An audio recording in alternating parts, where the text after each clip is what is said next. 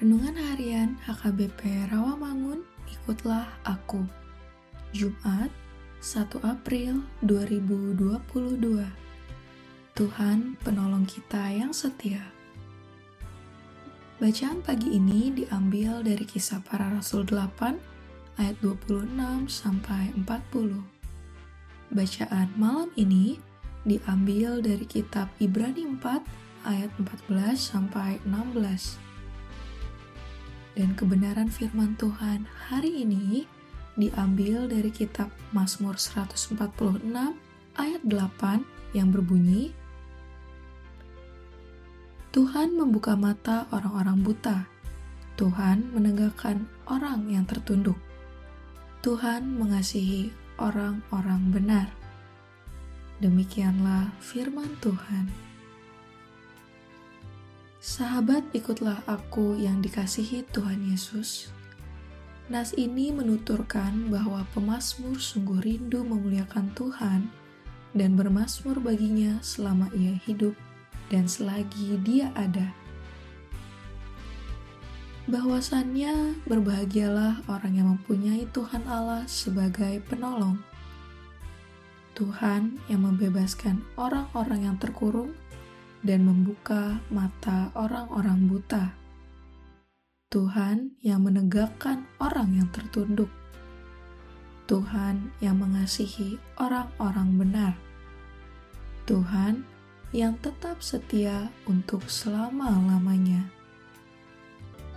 Persoalan terbesar dalam diri banyak manusia adalah mereka ingin memiliki kuasa atas diri dan kehidupan mereka manusia lupa bahwa hakikat hidupnya adalah buah karya ciptaan Allah yang Maha Kuasa. Maka, kepada Allah lah kita seharusnya bersandar. Siapa yang kita puji bukan lagi orang lain atau diri sendiri, melainkan Tuhan, Sang Raja kita. Sebab di dalam namanya ada keselamatan dan pemeliharaan yang kekal. Berbahagialah kita yang percaya bahwa hati dan jiwa kita sudah setia, lebih setia, dan sangat setia memuji dan memuliakan Tuhan, serta setia beribadah, berdoa, bersyukur, bermasmur, menyembah, dan melayani Tuhan. Berbahagialah kita yang percaya bahwa Allah adalah penolong kita yang setia dan sumber pengharapan kita yang sudah membebaskan kita dari berbagai belenggu persoalan dan membuka mata hatinya untuk menolong kita.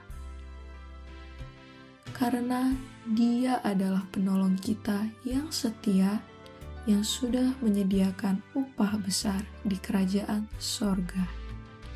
Amin. Saudara-saudari yang terkasih, marilah kita bersatu di dalam doa.